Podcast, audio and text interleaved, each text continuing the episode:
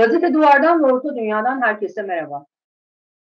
Geçtiğimiz haftalarda olduğu gibi bu haftada hepimizin gündeminde Ukrayna krizi, Ukrayna savaşı, Rusya-Amerika mücadelesi, enerji krizi, e, kısacası Ukrayna kriziyle birlikte dünyanın nereye gideceği soruları var. Bir taraftan e, hem savaşın e, durdurulması için diplomatik girişimler devam ederken diğer taraftan da savaşın iyice şiddetlenebileceğine işaret eden bazı gelişmeler de var ne yazık ki. Aynı zamanda bütün dünyanın gündemine Ukrayna kriziyle birlikte başka bir tartışma konusu daha düştü. Paralı askerler meselesi. Hem Rusya hem de Ukrayna tarafları dünyanın farklı ülkelerinden kendilerine destek olmak üzere e, Ukrayna sahasına gidecek olan insanların memnuniyetle karşılayacaklarını duyurdular. Peki nedir paralı askerlik? Ne zaman ortaya çıktı? Kimdir bu paralı askerler? Ne yaparlar? Bütün bunlara da bir göz atmak gerekiyor diye düşünüyorum. Çünkü paralı askerlik meselesi, para, paralı askerlere e, askerlerin memnuniyetle karşılanacağının duyurulması aslında oldukça, oldukça riskli ve tehlikeli bir kapıyı aralamakta demek diye düşünüyorum. Öncelikle e, paralı askerlerin kökenleri e, Roma dönem, dönemine kadar uzanıyor bilindiği kadarıyla. E, ancak en çok e, bilindikleri, en çok daha doğrusu aktif oldukları dönem Orta Çağ dönemi. E, meşhur bu Kudüs seferlerini, işte çeşitli şövalye gruplarını vesaire biliriz hepimiz. Ancak bunların daha çok böyle romantize edilerek özellikle filmlerde, kitaplarda e, aktarıldıklarını da biliyoruz. Ancak e, hani romantize edildikleri kadar e, yani insani duygularla hareket etmedikleri kesin o paralı askerlerin o dönemde. Ee, ancak Orta Çağ döneminde ağırlıklı olarak küçük ve etkili birimlerden oluşuyormuş paralı askerler ve özellikle e, nokta atışı yani bir hedefe yönelik tek bir operasyon için e, bazı kesimler tarafından insanlar, ordular, yönetimler, şahıslar her neyse derebeyleri e, tarafından kiralanan nitelikli savaşçılardan oluşuyormuş Orta Çağ döneminde paralı askerler. Ee, daha sonra çağ değiştikçe tabii ihtiyaçlar da değişiyor. Savaşların, çatışmaların e, şekli, şemali, hedefi, yöntemi de değişiyor tabii. E, bununla birlikte paralı askerlik de değişmeye başlıyor. Orta çağdan sonra belki de en dikkat e, çekici paralı askerlik yapılanması Fransızların Fransız lejyoneri, lejyonları olarak adlandırılan birlikler olabilir. E, bu birlikler Fransa'nın o dönemde sömürgeleştirdiği ülkelerden topladıkları farklı e, milletlerden, farklı dinlerden, hatta farklı dilleri konuşan insanlardan oluşuyorlardı. E, ağırlıklı olarak hani konvansiyonel cephe savaşlarına dahil ediliyordu ya da katılıyordu bu lejyon birlikler. E, ancak zaman ilerledikçe, çağ değiştikçe, ülkelerin savaşlara yaklaşımları ya da işte rekabet, farklı ülkeler arasındaki rekabet e, sebepleri değiştikçe paralı askerliğin e, yapısı, şekli, şemali, hedefi, e, yöntemleri de değişmeye başladı. Mesela Soğuk Savaş dönemine gelindiği zaman e, bu paralı askerlerin işte istihbarat, teknoloji hırsızlığı, ondan sonra mesela Güney Afrika'da sıkça örneklerinin görüldüğü gibi çeşitli kıymetli bölgelerin, madenlerin, önemli binaların, önemli ailelerin, önemli işte yapıların, grupların, aşiretlerin vesaire korunması gibi görevleri üstlenmeye başladıklarını görüyoruz. Daha sonraki yıllarda tabii yani dünyanın değişmesine paralel olarak tabii paralı askerlik de bir kere daha değişim geçiriyor ve kurumsallaşmaya başlıyor. Şirketleşmeye başlıyorlar paralı askerler. Muhtemelen hepimizin ismine aşina olduğu iki tane önemli paralı askerlerle çalışan şirket var. Biri Blackwater, ki biz bunları e, Amerika'dan ve daha sonra Afganistan'daki oldukça şaibeli ve karanlık sicillerinden biliyoruz. Diğeri ise özellikle Suriye ve Libya'daki savaşlarla birlikte daha bir e, hani bilinir hale gelen Rusların, daha doğrusu Rus şirketi olan Wagner. Ee, arka planda ya da koruma görevi de üstlenebiliyor bu e, hani paralı askerler. Mesela benim hatırladığım kadarıyla Amerika'nın Irak'ı işgali döneminde e, işte yerel halkın Amerikalılara yönelik çok tepkili olması sebebiyle bazı askeri yapıların, işte istihbarat komplekslerinin, hatta işte diplomatların bulunduğu Amerikalıların çalıştığı komplekslerin korumasını üstlenen e, Türk paralı askerler vardı o dönemde. Sadece dış, e, hani binaların dışındaki bölgede koruma görevi üstleniyorlardı. Çünkü yerel halk e, yani bizden Müslüman, aynı coğrafyadan insanlarız şeklinde yaklaşıyorlarmış o e, güvenlik görevi üstlenen e, Türkiye vatandaşlarına. E, yani paralı askerlerin şimdilerde kurumsallaşmış olanların daha doğrusu çeşitli şirketlere bağlı çalışanların e, ağırlıklı olarak koruma, lojistik, yerel örgütlerin işte eğitilmesi, örgütlendirilmesi, e, mesela Suriye'de ÖSO gibi e, bazı hani aktivitelerde bulundukları, çalıştıkları biliniyor ama ağırlıklı olarak yani savaş tipinin, mücadele tipinin değişmesiyle birlikte bu e, paralı askerlerin ya da paralı askerlerle çalışan şirketlerin ağırlıklı olarak istikrarsızlaştırma, yani nokta atışı takım operasyonlar yapma gibi eylemlere yöneldiklerini biliyoruz. Şimdi her savaşla birlikte tabii paralı askerlerin e, nitelikleri de değişiyor. Paralı askerliğin nitelikleri de değişiyor.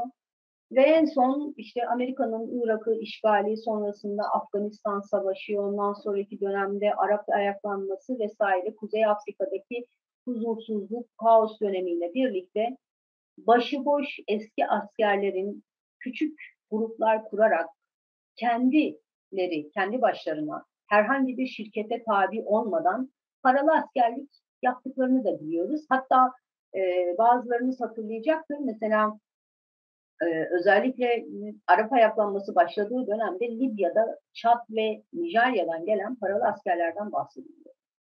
Şimdi Çat ve Nijerya gibi e, uzunca bir süre kaosun hakim olduğu, ekonomik krizlerin asla bitmediği e, ve insanların aslında savaşla, ölümle yan yana yaşadıkları yerlerde e, paralı askerlerin sayısı oldukça fazla ve bu insanlar ağırlıklı olarak bireysel çalışıyorlar. Yani paraya mı ihtiyacı var? Irak'a gönderilmek üzere e, işte bir şirket mesela petrol boru hatlarının korunması için ya da işte bir şahısa bir konvoya eşlik edilmesi için birileri e, ya da yerel aşiretler, yerel politik güçler koruma görevi için paralı asker arıyorsa eğer aynen bir iş ilanına başvurur gibi bu insanlar da başvurup Çad'dan, Nijerya'dan, işte Suriye'den, başka ülkelerden e, yani ihtiyaç duyulan yere gidiyorlar. Görev süresince orada bulunuyorlar, çalışıyorlar, paralarını alıyorlar. Ondan sonra geri geliyorlar eğer ölmemişlerse. Şimdi şunu da belirtmek gerekiyor. Paralı askerlerin e, hani birincisi bu işte Blackwater ve e, Wagner gibi şirketlere bağlı çalışanlarla başıboş olan işte bireysel hareket edenler arasında bazı farklar da var. E, şirketlere çalışanların, şirketlerle bağlantılı olarak çalışanların sonuçta bir e, hani bir resmiyeti, bir kurumsal altyapısı, işte ne bileyim bir sigortası yaralanmaları halinde sağlık hizmetleri e, vesaire gibi birçok imkanları da var diyebiliriz. Diğer taraftan hani daha böyle bireysel hareket edenler için bunlar söz konusu değil. Şimdi çeşitli ülkeler şöyle bir şey de yapıyorlar. Mesela kaos içindeki ülkelerde ya da işte kaos halinde olmasa bile gönüllüleri aylık maaş vererek çeşitli işte mezhep, ideoloji, milliyetçilik, dini söylemler, vesaire gibi farklı motivasyonlar üzerinden hareket eden e, ve hani savaş tecrübesi olan ya da savaşa dahil olmak isteyen insanları da örgütlendirebiliyor. Yine Arap ayaklanması döneminde e, bu şekilde mesela İran'ın e, hani teşkil ettiği e, gruplar var. E, tabii bunların da işte ne kadar paralı asker denir ya da aslında paralı askerliğin de yeniden tanımının yapılması gerekiyor diye düşünüyorum. E, çünkü çok farklı tiplerde paralı askerlikler ortaya çıkmaya başladı. Mesela bunlardan biri de IŞİD. IŞİD e, bildiğimiz bayağı sosyal medya üzerinden ilanlar açıp e, yani ev Ondan sonra işte çeşitli yani belli bir miktarda aylık maaş, çocuklara okul hatta kreş gibi e, bazı vaatlerde bulunarak dünyanın farklı e, bölgelerindeki insanların mesela elektrikçilerin, teknisyenlerin, işte tarımla ilgili mühendislerin, e, petrol mühendislerinin vesaire e, hani Suriye ve Irak'taki çeşitli kontrolleri altındaki bölgelere gelmeleri için çağrılar yapmışlardı ve bu çağrılara epeyce insanda başvurmuş. Şimdi başvuranlar arasında e, işi de paralel e, bir hani ideoloji, dünya görüşünü paylaşanlar ağırlıktaydılar. Ama aynı zamanda yani yap, oraya gitme karşılığında bir maaş alıyorlar, bir iş yapıyorlar karşılığında işte ev alıyorlar vesaire falan filan. Yani böyle bir e, dönüşüm de söz konusu Arap ayaklanması döneminde. E, ancak yıllar içinde şimdi e, bu paralı askerlerin nitelikleri de değişmeye başlamış. Mesela bir işte Roma döneminde ya da bir orta çağda hatta işte ikinci, birinci, ikinci dünya savaşlarının olduğu dönemlerde e, çalışan paralı askerler daha nitelikli, işte askeri eğitimleri olan, eski askerlerden oluşan, eski militanlardan oluşan gruplarmış. Ancak yıllar içinde biraz daha niteliksiz, kaos bölgelerinde işte ne bileyim ekonomik istikrarsızlığın vesairenin olduğu yerlerde savaş dışında yaşam biçimi bilmeyen insanların olduğu yerlerden toplanan, e, çok da aman aman bir e, askeri eğitimleri olmayan, çok e, kolay tırnak içinde söylüyorum, harcanabilen kitlelere dönüşmeye başlamış paralı askerler. Şimdi bir başka soru da şu, ülkeler neden paralı asker kullanır? Şimdi öncelikle mesela Irak'tan biliyorum birçok örneğini. Irak neredeyse her güçlü e, işte yerel aşiretin, politik figürün, siyasi ismin kendi askeri birliklerini, koruma güvenlik birliklerini oluşturduğu yerlerden biri. Şimdi bu güvenlik birimlerinin hepsi kendi aşiretlerinden, çevrelerinden, insanlardan oluşmuyor. Dünyanın farklı ülkelerinden yani bir işte İngiliz eski stat komandosunu da orada görebiliyorsunuz. Türkiye'den e, uzunca bir süre askerlik yapmış birini de görebiliyorsunuz ya da çok uzun bir süre mesela işte Afganistan'da vesaire savaşmış aslında ideolojik herhangi bir e, ajandası olmayan herhangi bir insanı da görebiliyorsunuz aynı grup içinde, koruma grubu içinde. Diğer taraftan e, resmi olarak hani ülkelerin de kullandığı e, paralı askerler var. Şimdi bazı ülkeler, Amerika bunu Irak'ta yaptı.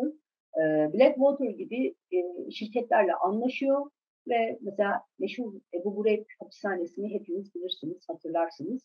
E, o tarz e, yani çok sıkıntılı, problemli yerleri kontrolünü bu şirketlere veriyor. Türkiye'de aynı şekilde Arap ayaklanması süresince işte Suriye, e, Özgür Suriye Ordusu adı altında toplanan e, silahlı grupları e, gruplarla yaklaşmıştı, e, yakınlaşmıştı daha doğrusu. Bir süre sonra Türkiye bu gruplara maaş ödemeye başladı ve ardından işte Türkiye'nin ÖSON e, çatısı altındaki e, militanların Libya'ya ya da işte Ermenistan-Azerbaycan savaşına vesaire gönderdiklerini görmeye başladık. E, tekrar aynı soruya döneyim. Peki ülkeler neden kullanır paralı askerleri? Birkaç tane çok önemli sebebi var. Birincisi savaş şeklinin değişmiş olması. Yani konvansiyonel işte cephe savaşlarının vesaire e, mümkün olduğunca az tercih ediliyor olması. İkincisi herhangi bir ülkede aktif olarak e, var olmak isteyen ülkelerin önemli bir kısmı e, kendi resmi ordularını e, kullanmak istemiyorlar. Çünkü resmi orduyu devreye soktuğunuz zaman yaralı her bir asker, o coğrafyadan gelen her bir asker tabutu demek, kamuoyunda tepki demek. Ayrıca resmi orduların bir maliyeti var. Yani bu insanlara düzenli maaş ödenmesi gerekiyor, sigortaları var, yaralanmaları halinde e, hastane masrafları, sağlık giderleri var. Ölmeleri halinde tazminat, işte e, aileye, geri kalan aileye işte e, hayatları boyunca maaş bağlamak gibi bir takım maliyetleri var. Ancak paralı askerler açısından bu söz konusu bile değil. Çok rahatlıkla e, herhangi bir ülke e, başka bir ülkede kullandığı vekalet savaşları için kullandığı ve işte sadece maaş ödediği askerleri gözden çıkarabilir. E, buna şöyle bir örnek vereyim yine hepiniz, hatır, hepiniz hatırlayacaksınızdır. Mesela işte Afrin'e, Elbab'a yönelik Türkiye'nin yürüttüğü operasyonlarda haberlerde şöyle ifadeler geçerdi. E, beş askeri personel yaralandı e, ve çok sayıda Suriyeli hayatını kaybetti. Şimdi çok sayıda Suriyeli 700 tane mi, 500 tane mi bilinmez. Bu insanların çoğunlukla peşine düşen, arayanı, soruyanı, soranı vesairesi de olmaz. Dolayısıyla çok kolay, yine tırnak içinde söylüyorum, harcanabilirler. Ee, bir başka sebep de şu, e, yani ülkelerin paralı askerlere e, yönelmesinin bir takım pis işleri resmi ordulara, resmi olarak istihbarata, güvenlik birimlerine yaptırmak istemezler ülkeler. Çünkü bazı operasyonlar özellikle istikrarsızlaştırma amaçlı, işte çeşitli ülkelerde e, toplumsal takım patlamalara sebep olacak eylemlerin gerçekleştirilmesi için de paralı askerler görevlendirilir ya da kiralanır. Çünkü e, paralı askerlerin yaptığı herhangi bir eylemle onu kiralayan ülke arasında bağ kurmak ve o ülkeyi sorumlu tutmak neredeyse imkansıza yakındır. Dolayısıyla ülkeler çok kolaylıkla bizim alakamız yok. İnsanlık suçu mu işlemiş? Şimdi biz bilmiyoruz. Yani bizim askerimiz değil, bizim resmi olduğumuz sınırlarımızın içinde duruyor. Şeklinde bir savunmaya geçebilir. Aynı zamanda e, şimdi herhangi bir ülkeye, diyelim ki Türkiye'nin Suriye'ye müdahalesi gibi resmi olarak iki ülkenin savaş haline geçmesini istemeyebilir paralı askerlere başvuran ülkeler. Çünkü resmi olarak bir ülkeyi, bir orduyu savaşa sokmak demek bunun diplomatik, ekonomik, savaş bütçesi başlı başına zaten bir kara delik. Ciddi maliyetleri var. Bu nedenle e, bağ kurulamayan, dolayısıyla yasal, yasal olarak sorumluluğunu üstlenmek zorunda e, kalınmayan bazı silahlı gruplarla e, yakın temas çalışmak ya da işte çeşitli silahlı grupları kiralamak çok daha karlı, güvenli gelir birçok ülkeye. Şimdi e, Suriye, e, pardon Ukrayna Savaşı'na dönecek olursak, e, şimdi Rusya'nın da Suriye'den e, çok sayıda insanı, hatta binlerce insanı bu savaşa katılmak üzere Ukrayna'ya götüreceğine dair bir takım haberler var. E, evet, bu haberlerin aslında yerelde e, doğrulandığını da söyleyebiliriz. Peki Ukrayna'ya savaşmaya giden Suriyeliler kimler? Rusya'nın gerçekten bu Suriyelilere ihtiyacı var mı orada? Aslında normalde yok. Ama şöyle bir durum da söz konusu. Ee, Rusya'nın Suriye'de askeri olarak ve siyasi olarak uzunca bir süredir bulunduğunu biliyoruz. Ve Suriye'de yine Rusya'nın ara buluculuğuyla e, çeşitli bölgelerde mesela Dera kentinde e, Suriye ordusuyla milisler arasında ya da silahlı gruplar arasında çeşitli uzlaşmalar, anlaşmalar yapıldı. E, ve bu bölgelerde işte bu grupların silahlarının toplanmaması şartıyla ama aynı zamanda Suriye ordusuyla savaşmamaları şartıyla bulundukları yerlerde kalmaları e, şeklinde bir takım anlaşmalara da varılmıştı geçtiğimiz yıllar içinde. Şimdi yerel kaynaklardan gelen bilgilere göre e, özellikle Rusya saflarında savaşmak üzere e, gitmeye hazırlanan ya da istekli olanlar ağırlıklı olarak bu uzlaşma süreçlerinde silahlarını koruyan ama aynı zamanda Suriye ordusuyla ya da mevcut Şam yönetimiyle araları çok da iyi olmayan gruplar. Hatta bazı isimler, bazı işte aşiretlerin isimleri ön plana çıkıyor. Ha bu insanları açıkçası Ukrayna'da öl ölmeleri halinde e, arayacak, soracak. Nerede bunun cesedi, Rusya bunun hesabını versin diyecek insanlar da yok. Ki bunun bir örneğini biz Ermenistan'dan biliyoruz. Mesela Ermenistan-Azerbaycan savaşına e, yine işte Türkiye'nin desteklediği bazı silahlı gruplardan e, milisler gitmişlerdi ve son olarak Ermenistan'ın Suriye'ye resmi olarak ya burada bazı Suriyelilerin cesetleri var gelin alın diye başvuruda yaptık, başvuru yaptıklarını Suriye, Şam'ın daha doğrusu e, onlar oraya savaşmak üzere biz göndermedik. Dolayısıyla biz sorumluluğunu üstlenemeyiz e, dediğinde biliyoruz. Şimdi peki bu hani milisler dışında ee, Ukrayna'ya savaşmaya normal Suriyeli gençler giderler Şam'ın kontrolündeki bölgelerden. Evet giderler. Yani bahsedilen işte maaş miktarları işte $800, $1000, $2000 vs.